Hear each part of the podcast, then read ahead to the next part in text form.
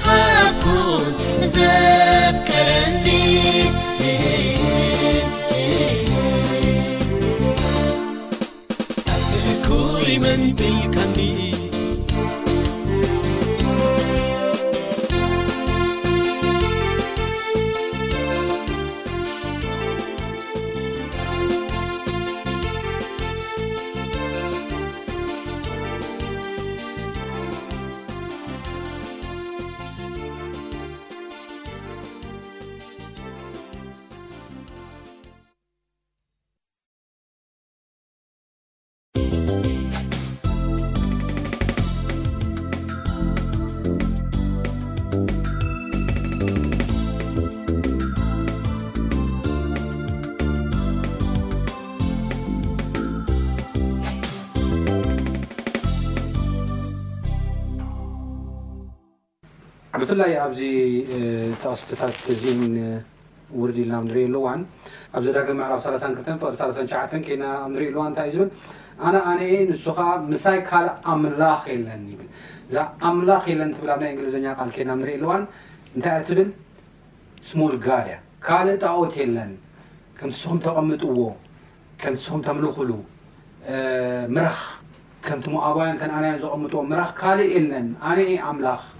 ሰማይን ምድርን ዝፈጠርኩ፣ ህይወት ዝሃብኩ፣ ዝፈጠርኩ ኣነ እየ እዩ ዝብል ዘሎ። እቲ ናይ ስላሴ ትምህርቲ ዘፍርስ ኣይኮነን እዚ። ካብዚ ብተወሳኺ ኣብ ማርቆስ ምዕራፍ ዓሰርተ ክልተ ፍቕዲ ዕስራን ትሽዓተን ዘሎ ሓሳብ ድማ የሱስ መሊሱ እታ ቀዳመይቲ እዚኣ እያ እስራኤል ስማዕ እግዚኣብሄር ኣምላኽና ንሱ በይኑ እዩ ወይ ድማ ሓደ ሓደ እግዚኣብሄር እዩ ይብለና። ካብኡ ቀጺሉ ከኣ እቲ ጸሓፊ እንታይ ይብሎ መምህር ብሓቂ ጽቡቅ ተዛረብካ ኣምላኽ ሓደ እዩ ብጀክኡ ካልእ ድማ የለን ይብለና ኣብዚ ሓሳብ እዚ ከይድና ንሪኦ ኣለዋን ማለት እዩ ስለዚ ኣብዚ ከ እንታይ እዩ ዝብል ዘሎ ቅድም ኢልካ ኣብ ናይ እብራይስጢ ቃል ቃላት ኣለዉ ኢልካና ነርካ ኢሃድን ያሂድን ሓደ ቁጥሪ ንምግላጽ ኢሃድን ያሂድን ዝብል ቃል ኣሎ ኣንፎርቹነትሊ ኣብ ትግርኛ ቃል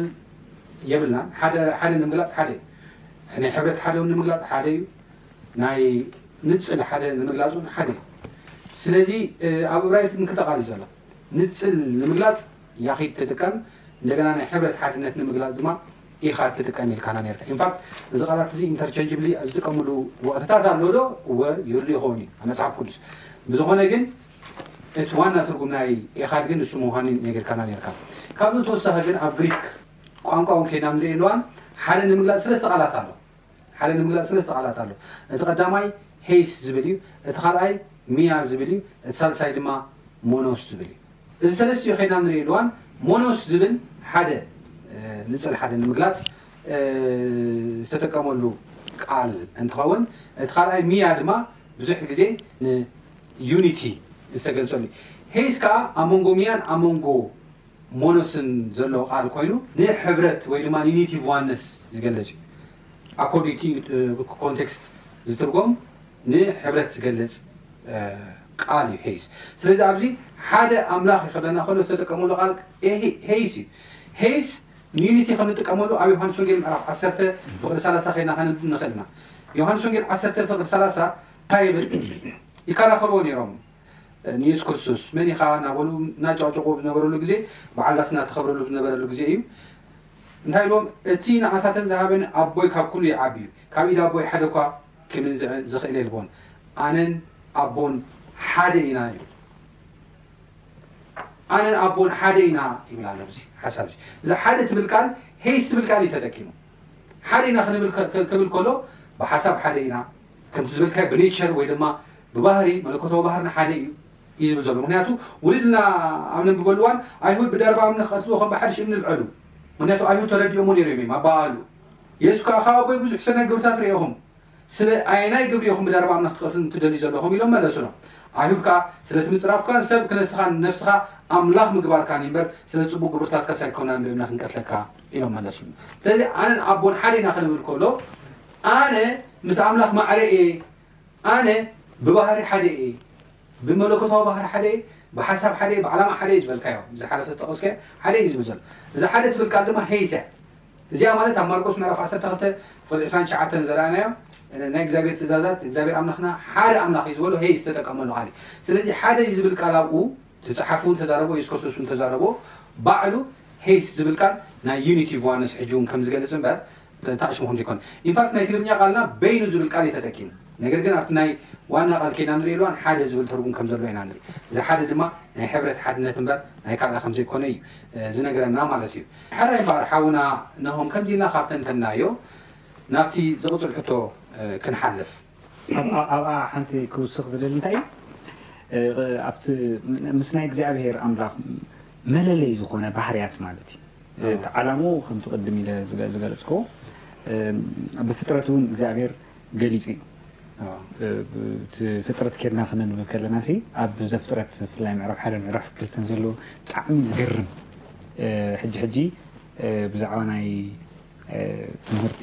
ስላሴ ወይ ከዓ ብዛዕባ ትምህርቲ ኣብ ወልድ መንፈስ ቅዱስ ኮነ ተባሂልካ ላተገድፈ እዩ ወይ ከዓ ናይ ሓሶት ትምህርትታት እውን ሊሕኾም ይኣትው ኣለዉ እዮም ማለት እዩ እዚ ናይ ዘፍጥረት ብፍላይ ካብ ምዕራፍ ሓደ ጀሚሩ ስጋዕ ምዕራፍ ዓሰርተ ሓደ ዘሎ ናይ መጽሓፍ ቅዱስ ክፍሊ ምንእኣስ ወይ ከኣ ከም ጽውጽዋይ ጌርካ ንምስራሕ ኣዕዚዙ ዝስራሓሉ ዘሎ ግዜ እዩ ማለት እዩ። ግን ኣብ ዘፍጥረት ምዕራፍ ሓደ ምዕራፍ ክልተ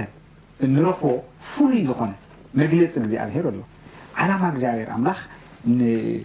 ኣብቲ ዩኒቨርስ ወላ እቲ ቫስት ዝኾነ እቲ ዓቢ እቲ ገዚፍ ዝኾነ ወላ እንተ ዘይፈለጥና ኣብ ምድርና ግን ዝኾነ ነገራት ብቑሩብ መንነትን እንታይ ዕላማ እግዚኣብሄርን ብፍላይ ምስ ደቂ ሰባት እንታይ ከም ዝኾነ ይገልጸልና እዩ ከምዚ መስኮት ናይ ቲቪ መስኮት ብደንቢ ገይሩ እዩ ዘርእየና ማለት እዩ ዓላማ እግዚኣብሔር ኣምላኽ ምስ ደቂ ሰባት እንታይ ከም ዝኾነ ካብ መጀመርታ ኣትሒዙ ካብ ትርክቦ ትሪኦ ማለት እዩ እቲ ሓሳቡ እውን ኣብኡ ትርኢ ማለት እዩ ንኣዳምን ሔዋንን ዝነበሩ ሓሳብስ ትሪኦ ማለት እዩ ሰሪሑስ ናበይ እዩ ወሲድዎ ናብ ኤደን ገነት ብጣዕሚ ዝገርም ናብቲ ብሉፅ ብእግዚኣብሔር ዓይኒ ብሉፅ ዝኾነ እቲ ሓሳቡ ውን ዝገርም እዩ ማለት ኣነ ግን ብጣዕሚ ዝገርመኒ ኣብቲ ባህሪ እግዚኣብሄር እቲ ባህሪኡ ዝብሊ ናይ እግዚኣብሄር ግን ግርም እዩ ዝብለኒ እና ን ቁሩብ ክዛርብ ናይ እግዚኣብሄር መፍለይ ባህርያት እውን ኣሎ እዩ ማለት እዩ መፅሓፍ ቅዱስ ብዛዕባ ናይ እግዚኣብሄር መፍለይ ባህርያት ብዙሕ ገልፅ እግዚኣብሄር ኣብ ወልድ መንፈስ ቅዱስ ዝግለፀሎም ባህርያት ኣሎ ፍላይ ምስ መለኮታውነቱ ተተሓሒዙ ማለት እዩ። ምስ መለኮታውነቱ ባህሪ ክንብል ከለና ሓደ መለኮታውነቱ ስለ ዝኾነ ማለት እዩ። እግዚኣብሄር ኣብ ከምቲ ኣብ ዮሃንስ ወንጌል ምዕራፍ ሓደ ዘንበብናዮ ህይወት ኣብኡ ነበረት እዩ ዝብለና። ህይወት እዩ ህይወት ህይወት ሰብኡ እያ ናቱ እያ ህይወት እዩ። ኣብ እዚ እውን ኣብ ዮሃንስ ወንጌል ምዕራፍ ሓሙሽተ ቁፅሪ ዒስራን ሽዱሽተን ይገልፀልና እዩ ማለት እዩ። እሱ ብባዕሉ እዩ ዝነብር፣ ንሕና ብእኡ ኢና ንነብር። ፍሉይ ባህሪ እዩ እዚ። ፍሉይ መፍለጢ ማለት እዩ ናይ እግዚኣብሔር ኣቦ ናይ እግዚኣብሔር ወልድ ናይ እግዚኣብሔር መንፈስ ቅዱስ ማንም ክህቦ ዘይክእል ማንም ከዓ ክወስዶ ዘይክእል ማለት እዩ ጎይታናን መድሓኒትናን የሱስ ክርስቶስ እዚ ብተደጋጋሚ ኣተንቢህዎ እዩ ማለት እዩ ህይወተይሲ ማንም ካባይስ ዝወስደ የለን እዚ ማለት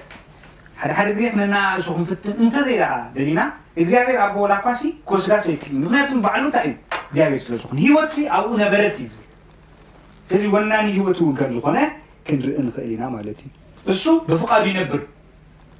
ፈቂድሉ ዘይኮነስ ብፍቃዱ ንሕና ግን ክንጽሊ ከለና እኳስ ታይ ንብል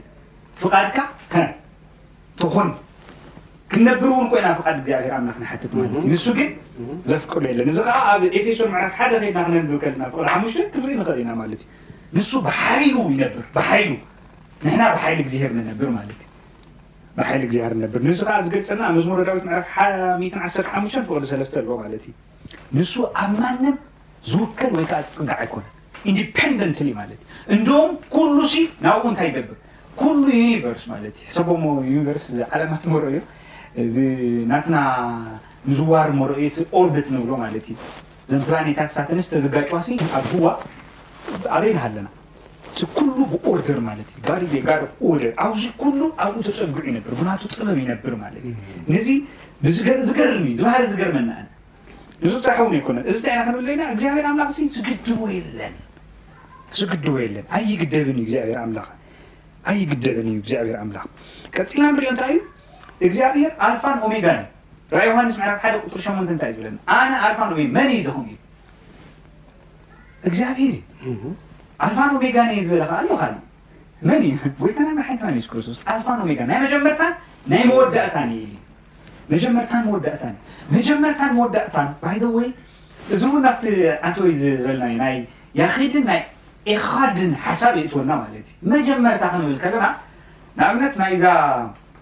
ናይ ሓደ ነገር መጀመርታ ኣሎ መወዳእታ እውን ኣሎ። እዚ ኣብ ደቂ ሰባትን ምስ ፍጥረትን ክኸውን ከሎ ኣብ እግዚኣብሔር ግን ከምኡ ኣይኮነን። መጀመርታን መወዳእታን ዘይብሉ ኢትስ ቢዮንድ ንሱ ሲ ካብቲ ካብቲ ዘልኣለም ንብሎ ንሕና ዝወፀ እዩ። ንዘልኣለም ሲ ዘልኣለም እውን ክገብር ዝኽእል ነቲ ዘሎ ንብሎ ነቲ ዘሎ ንብሎ ኩሉ እቲ ዘሎ መጀመርታ ኣለዎ። ንእግዚኣብሔር ግን ከምኡ ኣይኮነን። እግዚኣብሔርሲ ክተሓዝ እውን ኣይክእልን እዩ He is transcendent ካብቲ ፍጥረትሲ እንታይ ክብ ዝበለ እዩ ኣልፋን ኦሜጋን እዩ ንብሎ ማለት እዩ ኣብ መጨረሻ ከዓ መ- መ- እቲ ናይ መጨረሻሲ ካብ መጀመርታ ዝፈልጥ እዩ ኣብዚ እንታይ እዩ? ባህርያት እግዚኣብሔር እዮም እዚኣቶም እግዚኣብሔር ኣቦ እግዚኣብሔር ወልድ እግዚኣብሔር መንፈስ ቅዱስ ጎይታን መድሓኒትና የሱስ ክርስቶስ ኣብ ልቦም ዘሎስ ይፈልጥ ነይሩ ይብለና ማለት እዩ መንፈስ ቅዱስ እውን እ፣ ኣብ ልብና ዘሎ እንታይ ይገብር ይፈልጥ እንደውም ሮሜ ምዕራፍ ሸሞንተ ከድና ከነብል ከለናስ እንታይ ከም እንጽሊ እውን ስለ ዘይንፈልጥስ መንፈስ ባዕሉ ምስ መንፈስና ኮይኑ ውሽጢ ምስ ህሊናና ኮይኑ እንታይ ይገብር ይማልድ ይብለና ይጽልየልና ይብለና ማለት እዩ ስለዚ እግዚኣብሔር ሲ ናይ ውሽጢ እውን ዝፈልጥ ናይ ውሽጢ ልብን ኩላሊትን እውን ዝምርምር ከም ዝኾነ ይነግረና ሁሉ ይፈልጥ እዮብ 37 16 መዝሙረ ዳዊት 139 ካብ ሓደ ጀሚርካ እስከ 18 ከተንብብ ከለኻ ከምኡውን 147 ፍቅዲ ሓሙሽተ ከተንብብ ከለኻ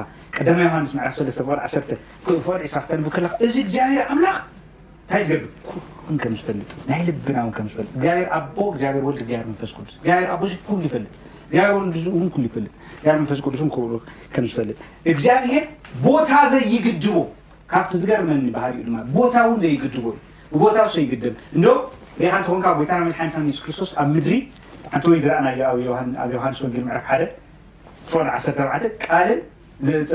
ጸጋን ሓቅን ተመሊኡሲ ኣባና ሓደረ። ኣብቲ ኣባና ዝሓደረሉ ሰላሳን ሰለስተን ዓመታትሲ ተገዲቡ ነይሩ ዶ ኣይተገደበን? ጂኦግራፊካሊ ተገዲቡ ነይሩ ከም ከም ከም ናይ ከም ናይ ክስታይት ሓሲብካ ማለት እዩ። ግን ጎይታ መንፈስ ቅዱስ ጎይታ እግዚኣብሔር ኣቦ ግን ኣይተገደበን። መለኮት እዩ። መለኮትሲ ብጣዕሚ ዝገርም እኮ እዩ። ተዋሂዱ ምስ ስጋ ኮነ ይብለና። ስለዚ ኣብዚ ግን እንታይ ዘይግደብ እዩ ንዚ እንታይ ዓይነት መርትዖታት ይቐርብ መዝሙረ ዳዊት ሚእትን ሳላሳን ትሽዓተን ኬድና ከነንብብ ንኽእል ኢና ካብ ሸውዓተ ስጋዕ ዓሰርተ ክልተ ከምኡ እውን እብራውያን ምዕራፍ ኣርባዕተ ቁፅሪ ዓሰርተ ሰለስተ እግዚኣብሔር ኣምላኽ ዘይግደብ እዩ ኣብ ኩሉ ኣብ ዝደለዮ ሰዓትን ኣብ ዝኾነ እዋንን ክርከብ ዝኽእል ማለት እዩ ኣብዚ ኣብ እቲ ዘለናዮ ክርከብ ይኽእል ሳምዌር ኣብ ኩሉ መንፈስ እዩ መለኮት እዩ እግዚኣብሔር ኣምላኽ ማለት እዩ እሱ ኣብ ኩሉ ክግድ ግዜ እውን ዘይግድቦ ዘልኣለማዊ እዩ ዘልኣለማዊ